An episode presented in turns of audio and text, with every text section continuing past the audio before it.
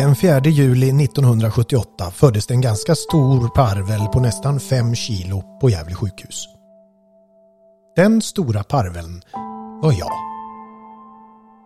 Pappa tyckte att jag hade lite stor näsa.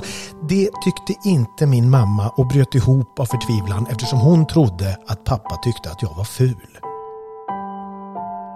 Samma månad det året föddes även världens första provrörsbarn i London. Hennes namn var Louise Brown. HBT-rörelsen visade för första gången upp sin symbol regnbågsflaggan i San Francisco. Den svenska semestern förlängs från fyra till fem veckor och 1,2 miljoner svenskar åker på charter. Vi bodde på Kuppbollsvägen i en sån där lägenhet som byggdes för det svenska folkhemmet. Det skulle bli min värld. Mitt kungarike. Men eh, också mitt lilla helvete. I rummet bredvid min mammas på BB låg vår granne från Kuppolsvägen. Dagen efter mig så föddes Robert som skulle komma att bli min bästa vän. Vi växte upp på Kuppolsvägen. Uppväxten på Kuppolsvägen, som vi som bodde där bara kallade för Kuppol, var ganska rolig faktiskt. Det fanns en eh, nybyggaranda i grannskapet och en gemenskap som jag faktiskt inte har stött på sedan dess. Man eh, hjälptes åt att bygga upp omgivningarna. Man målade, pratade, festade ihop. Det anordnades bingo på söndagar och vi hade eh, en isbana nere på fotbollsplanen varje vinter. Liksom att vi eldade majkase varje år på sista april. Varje människa hade sin lilla vrå och kände sig samhörig. Alla kände alla. Och vi barn visste vad varenda en hette och i vilken trappuppgång de bodde i. Grannskapets stora fyllo hette Kalle, men alla kallade honom för Fyllkalle. Vi hade också Fylle-Eva och Hasse. Hasse var för övrigt förälskad i min mamma och brukade sitta och skrika till henne på parkbänkarna utanför ICA. Fyllebänkarna kallar vi det för. Där fick man inte sitta. Då blev man retad resten av dagen att man var kär i Fylle-Eva.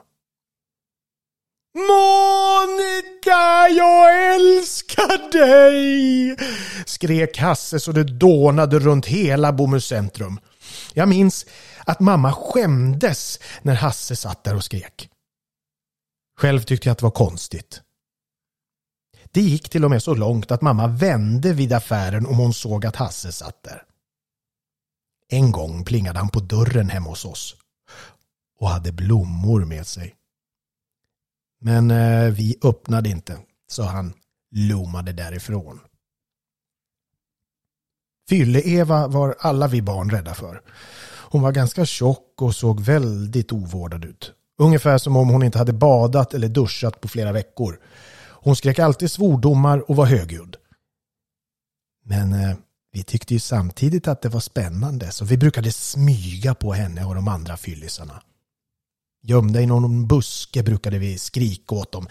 Fyllesvin eller något annat enligt oss fyndigt som vi kunde komma på. 4.11.1986 Hej. Jag är häktad och kommer imorgon transporteras till Österåker i väntan på rättegång. Datum är satt till 18.11. Som du minns berättar jag om en bekant till mig som pratat en massa skit. Han har utökat detta prat och har varit till god hjälp att få mig häktad. Tack och bock. Vidare hade någon påstått sig vara inneboende hos mig och jag trodde att det var han. Det var det inte enligt förhörsledaren. Jag begriper ingenting. Mer än vad den skitstöven sagt som pratat skit förut. Man har häktat mig på uttalanden som gjorts och att eh, välkända narkomaner besökt min lägenhet. Och att jag syns besöka en viss adress. Vad som inte räknas tydligen är att folk som kommer inte nödvändigtvis vill köpa utan sälja. Jag känner mig rätt nedslagen i skorna just nu. Men eh, jag skriver mera. När jag peppat upp mig igen. Puss och kram. Roger. PS. Jag får inte lov att kontakta dig per telefon. DS.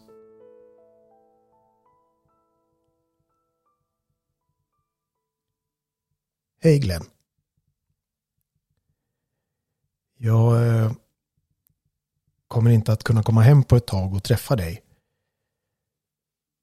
Det är jag väldigt ledsen för. Jag vet en sak som du önskat i julklapp som mamma köper till dig om jag skickar pengar till henne.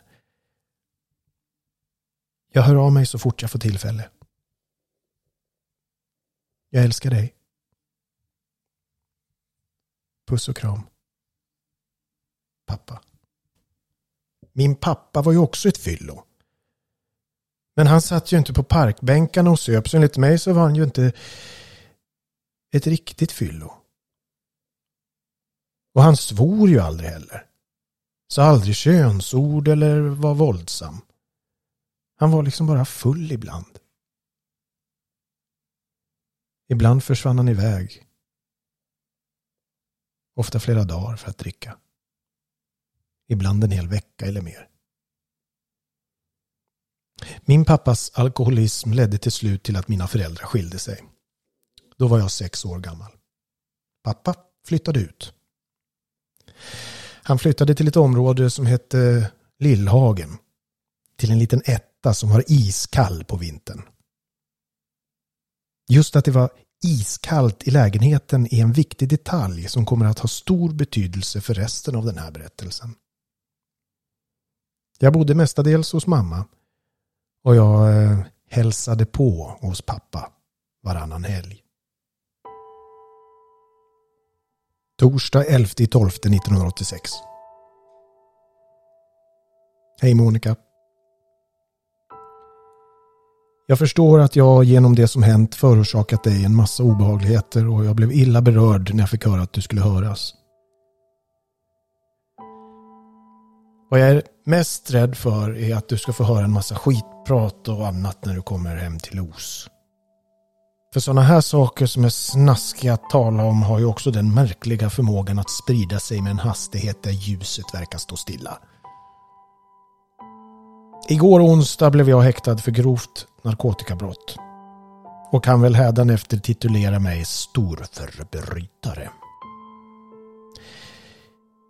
Jag har så kallade restriktioner och får inte läsa dagstidningar eller prata med andra än de som jobbar här. Kriminalare och, min advokat som heter Bertil Hellström. Inte gamla tidningar heller. Inga nyheter från fjärde i tolfte. Hur lång tid jag får sitta här vet jag inte men enligt förhörsledaren så kan det bli tämligen lång tid fram till rättegång. Jag skulle vara tacksam om du och Glenn kunde titta till bilen ibland. Om den är orörd. Jag har skrivit samma till Glenn så du kan väl låta honom ordna saken. Beträffande ditt underhåll så har jag 400 kronor här som du kan få omedelbart. Tyvärr har jag inte mer.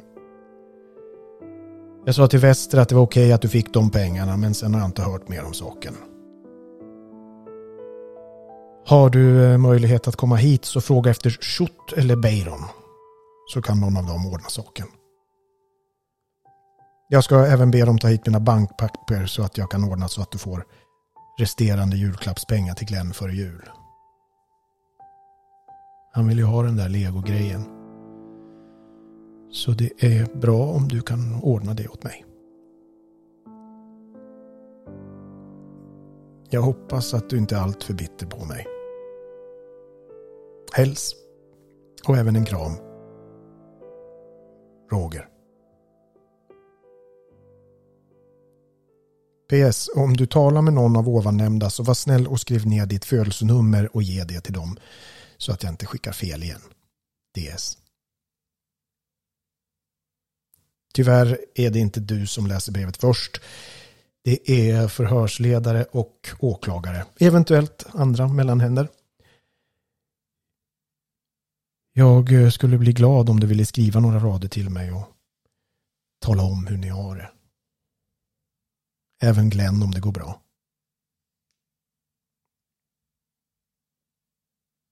Hej Glenn. Jag skriver igen till dig för eh, du ska veta att jag tänker på dig hela tiden och jag hoppas att ni mår bra du och mamma. Det finns inte möjlighet för mig att ringa dig som jag så gärna vill.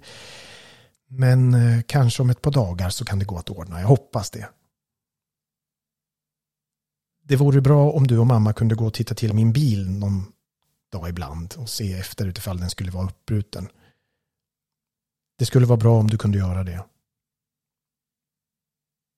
Jag längtar så mycket efter dig och du vet att jag älskar dig. Puss och kram, pappa. Jag var ett snällt barn när jag växte upp. Jag älskade att träffa människor. Jag var den som spred god stämning på dagis och varje dag gick jag en slags rond för att ge alla dagisfröknar dagens kram. Även matatanten Dagny fick dagens kram. Det var väldigt viktigt för mig. Min favoritfröken hette Maggan.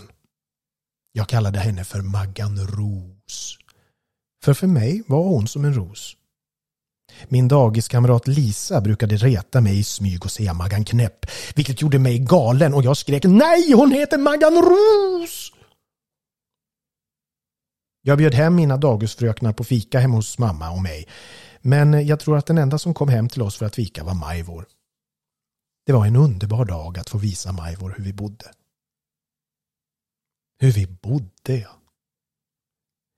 Vi bodde i en sliten lägenhet på Kuppolsvägen i Gävle. Och det var hela mitt kungarike. Jag kunde inte tänka mig ett bättre ställe i hela världen. Jag älskade de gamla tapeterna från 60-talet. Jag minns att jag grät den dagen när mamma berättade att vi skulle få renovera där hemma. Allt skulle bytas ut. Tapeter skulle bytas ut. Ut skulle alla gamla vitvaror och in med nytt och fräscht. Det var den värsta dagen i hela mitt liv. Jag grät och skrek och bad min mamma att snälla behålla våra fina vackra tapeter.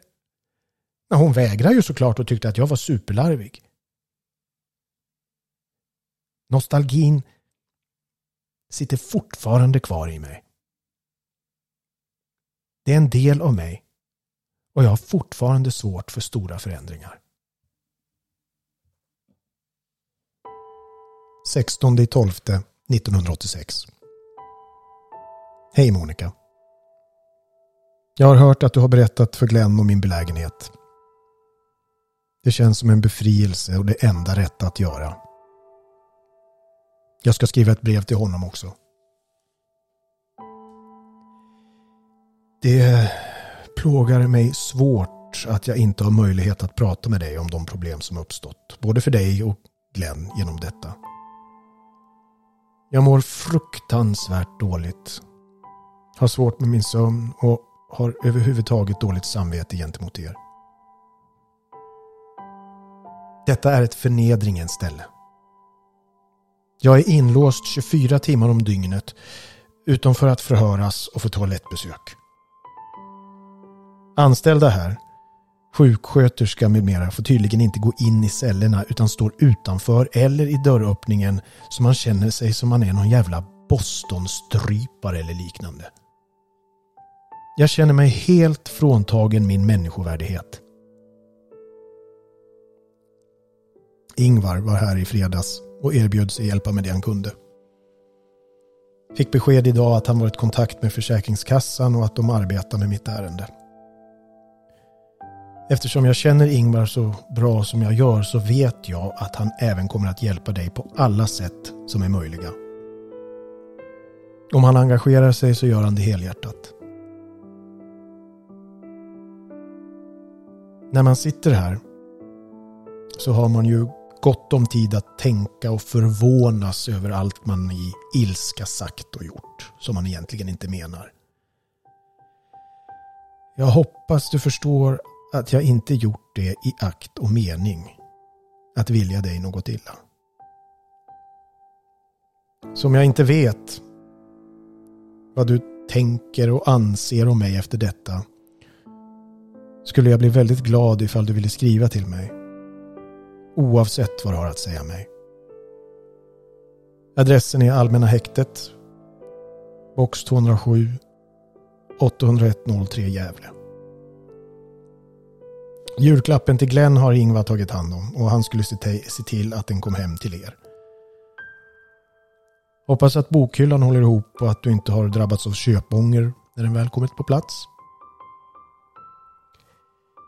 Det är mycket jag skulle vilja säga och skriva men jag vet inte riktigt hur jag ska uttrycka och formulera mig utan att verka patetiskt. Så det, det får anstå tills tankarna mognat. Hörde förresten en bra låt med Sting på radion. Moon over Bourbon Street. Lägg den på minnet. Mer jul, Adolfsson och Falk, också en mycket bra låt. Har fått höra att mamma lever över Bosse. Det här är inget han ska skyllas för. Men det kommer väl hon aldrig att lyssna till. Jag har en aning om att jag kommer att få mina fiskar varma också. Och som jantelagen står mig upp i halsen så får man väl förmoda världskrig. Ensidigt. För jag ska åtminstone försöka vifta med vit flagg. Men eh, förmodligen hör jag till skitoxarna som ska halshuggas jäms med arslet för att använda favorituttryck. Nu ska jag skriva ett brev till Glenn också. Så att det inte uppstår osämja. Det här är väl det sista du får höra av mig. Före jul alltså. Så jag önskar dig en god jul och ett gott nytt år av hela mitt hjärta. Märta och Örjan också. Kramar Roger. 19.12. God morgon. Har just fått höra att åklagaren har förlängt teckningstiden. Åtal ska vara väckt före 12 till första. God middag.